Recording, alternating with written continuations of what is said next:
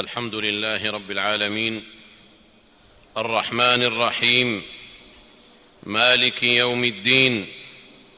له الحمد حتى يرضى وله الحمد بعد الرضا وله الحمد على كل حال.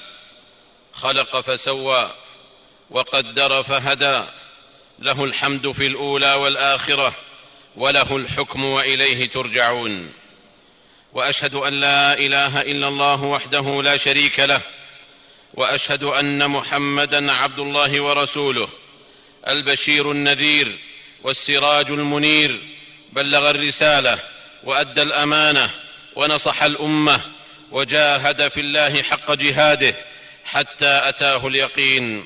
فصلوات الله وسلامه عليه وعلى آل بيته الطيبين الطاهرين وعلى أزواجه أمهات المؤمنين وعلى أصحابه والتابعين ومن تبعهم بإحسان إلى يوم الدين وسلم تسليما كثيرا.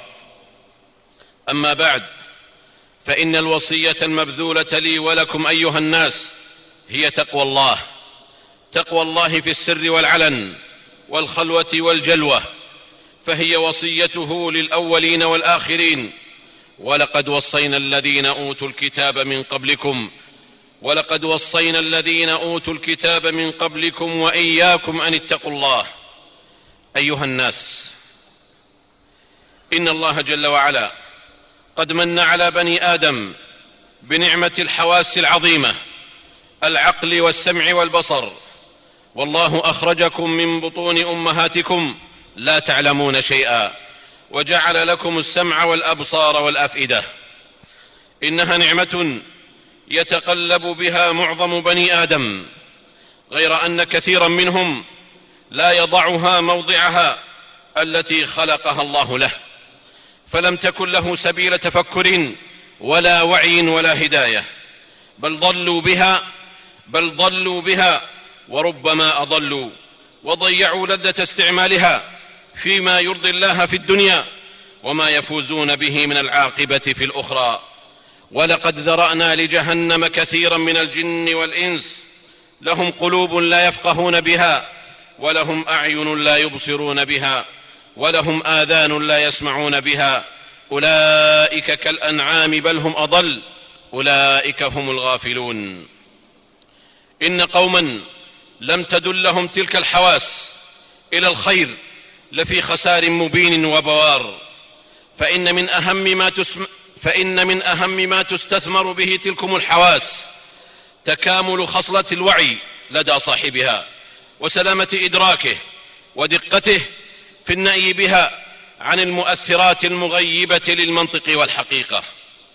ومما لا شك فيه أن من أحسن الوعي أحسن الحذر. واستطاع أن يقرأ ما بين سطور الأحداث والمدلهمات. فإن الوعي والحذر أمران زائدان على مجرد السمع والإبصار. فما كل من يبصر يعي ويحذر فما كل من يبصر يعي ويحذر ما يبصره ولا كل من يسمع كذلك. فإنها لا تعمى الأبصار ولكن تعمى القلوب التي في الصدور. وبما أن الأمة وبما أن الأمة في هذه الآونة تعيش أحداثا مدلهمة ونوازل تتكاثر حثيثة وتليها أخرى حبلى لا يد وتليها أخرى حبلى بما لا يدرى ما الله كاتب فيها. وإن الأفراد إذا وفقوا في وعيهم وفقوا في حذرهم. ومن ثم يكون المجتمع بعمومه مجتمعا واعيا يدرك قيمة الاجتماع والوحدة حين تدلهم الخطوب فيطرح كثيرا من خلافات التنوع جانبا. وربما أجل الحديث عن اختلاف التضاد ليكون لكون الخطر الداهم أكبر. وربما أجل الحديث عن اختلاف التضاد لكون الخطر الداهم أكبر ودفعه أولى. فتلك هي الأمة الواعية وذلكم هو المجتمع الناجح. الذي يميز الخبيث من الطيب والعدو من الصديق. لذلك أوحى الله جل وعلا لذلك أوصى الله جل وعلا المؤمنين بقوله يا أيها الذين آمنوا خذوا حذركم. إن وعي الأمة وحذرها كفيلان بتوفيق الله لجعلها أمة قوية ذات شوكة ومنعة أمام أعدائها وخصومها. الذين يتربصون بها الدوائر. فتعلم حينئذ متى تحلم وتعلم متى تحزم وتعلم متى تنأى ومتى تعزم. فإن السهل أحيانا يوطأ ويمتهن. وإن في الحزم هيبة وفي العزم قوة ونجاحا بعد توفيق الله. إذا كنت ذا رأي فكن ذا عزيمة فإن فساد الرأي أن تترددا فإن الله جل وعلا أوصى الأمة المسلمة بتحصيل وسائل القوة حتى لا تكون نهبا للطامعين ولا هدفا للمتربصين. فقد قال جل شأنه وأعدوا لهم ما استطعتم من قوة لتشمل كل مقومات القوة اقتصادية كانت أو سياسية أو علمية أو اجتماعية أو عسكرية. فإن قوة الدولة هي القدرة على التأثير بحيث تكون حال وعيها وحذرها بسبب هذه القوة من أهم دعامات تأثيرها وإثبات وجودها فتستعمل مصادر قوتها لتكون رسما متناسقا تستطيع من خلاله أن تحدد موقفها وقت السلم كيف يكون وكيف يكون وقت الشدائد. على حد قول القائل ووضع الندى في موضع السيف بالعلا مضر كوضع السيف في موضع الندى. إن المجتمع المسلم إذا جعل للوعي حظوة وكان من أولوياته فلن يخفق بأمر الله فلن يخفق بأمر الله في الأزمات إذ يعرف متى يرفع بصره حينئذ ومتى يرخيه ويعرف مصلحة دفع ويعرف مصلحة دفع الأخطار قبل وقوعها وأنها أعلى وأولى من رفعها بعد الوقوع. المجتمع المسلم الواعي عباد الله هو من يوفق في الا يترك له عدوا من داخله ليكون ثاني العدوين. نعم إنه يكون عدوا داخليا بأنانيته وأثرته يكون عدوا داخليا بالنزاع والاختلاف والفرقة حتى كأنه رسول للعدو الخارجي. والمقرر شرعا أن كل ذلكم يتقى وجوبا حال ظهور العدو الخارجي وتكشيره عن أنيابه. لذلك قال الله تعالى يا أيها الذين آمنوا إذا لقيتم فئة فاثبتوا واذكروا الله كثيرا لعلكم تفلحون وأطيعوا الله ورسوله ولا تنازعوا فتفشلوا وتذهب ريحكم واصبروا إن الله مع الصابرين. بارك الله لي ولكم في القرآن العظيم ونفعني وإياكم بما فيه من الآيات والذكر الحكيم. قد قلت ما قلت. إن صوابا فمن الله وإن خطأ فمن نفسي والشيطان. وأستغفر الله لي ولكم ولسائر المسلمين والمسلمات من كل ذنب وخطيئة فاستغفروه وتوبوا إليه. إن ربي كان غفارا. الحمد لله على إحسانه والشكر له على توفيقه وامتنانه. وبعد فاتقوا الله عباد الله واعلموا أن أحسن الحديث كتاب الله. وخير الهدي هدي محمد صلى الله عليه وسلم وشر الأمور محدثاتها وكل محدثة بدعة وكل بدعة ضلالة وعليكم بالجماعة فإن يد الله على الجماعة ومن يشاقق الرسول من بعد ما تبين له الهدى ويتبع غير سبيل المؤمنين نوله ما تولى ونصله جهنم وساءت مصيرا. ثم اعلموا يا رعاكم الله أن هذه الأرض المباركة محسودة مقصودة. تحدق إليها أبصار الطامعين أبصار الطامعين في خيراتها واستقرارها وعرصاتها المقدسة في الحرمين الشريفين.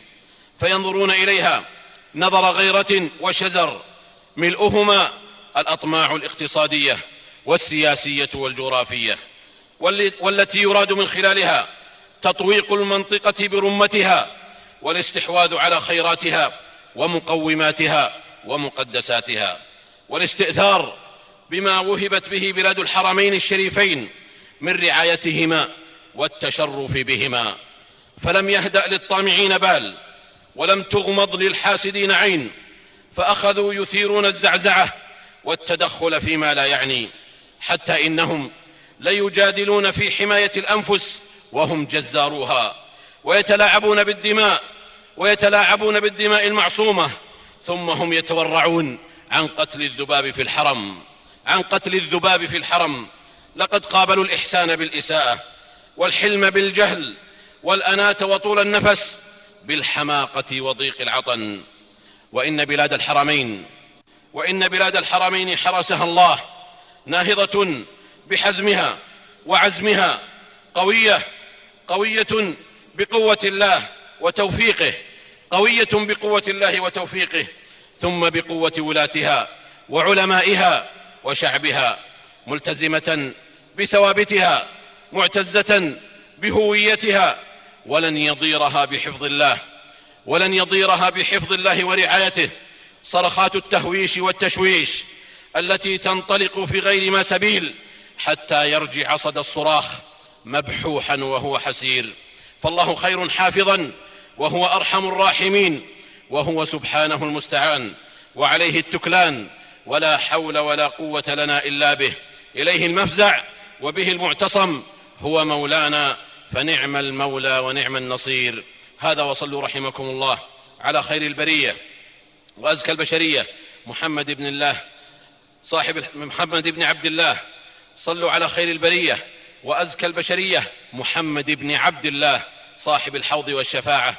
فقد أمركم الله بأمر بدأ فيه بنفسه وثنى بملائكته المسبحة بقدسه وايه بكم أيها المؤمنون. فقال جل وعلا يا أيها الذين آمنوا صلوا عليه وسلموا تسليما. اللهم صل وسلم على عبدك ورسولك محمد صاحب الحوض والشفاعة. وارض اللهم عن خلفائه الأربعة أبي بكر وعمر وعثمان وعلي وعن سائر صحابة نبيك محمد وعن التابعين وتابع التابعين ومن تبعهم بإحسان إلى يوم الدين وعنا معهم بعفوك وجودك وكرمك يا أرحم الراحمين. اللهم أعز الإسلام والمسلمين. اللهم أعز الإسلام والمسلمين. واخذل الشرك والمشركين. اللهم انصر دينك وكتابك وسنة نبيك وعبادك المؤمنين. اللهم فرج هم المهمومين من المسلمين. ونفس كرب المكروبين واقض الدين عن المدينين واشف مرضانا ومرضى المسلمين برحمتك يا أرحم الراحمين. اللهم آمنا في أوطاننا وأصلح أئمتنا وولاة أمورنا. واجعل ولايتنا في من خافك واتقاك واتبع رضاك يا رب العالمين. اللهم وفق ولي أمرنا لما تحبه وترضاه من الأقوال والأعمال. يا حي يا قيوم. اللهم أصلح له بطانته يا ذا الجلال والإكرام. اللهم أصلح أحوال المسلمين في كل مكان. اللهم أصلح أحوال المسلمين في كل مكان. اللهم كن لإخواننا المستضعفين في دينهم في سائر الأوطان. اللهم انصرهم على عدوك وعدوهم. اللهم اجعل شأن عدوهم في سفال وأمره في وبال. يا ذا الجلال والإكرام.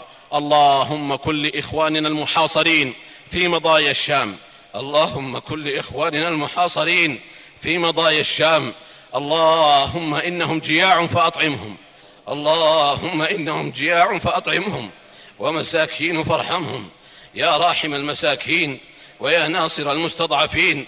اللهم أطعمهم من جوع وآمنهم من خوف. يا ذا الجلال والإكرام. يا رب العالمين.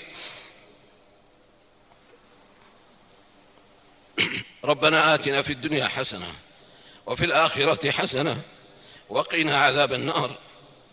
سبحان ربنا رب العزة عما يصفون وسلام على المرسلين وآخر دعوانا أن الحمد لله رب العالمين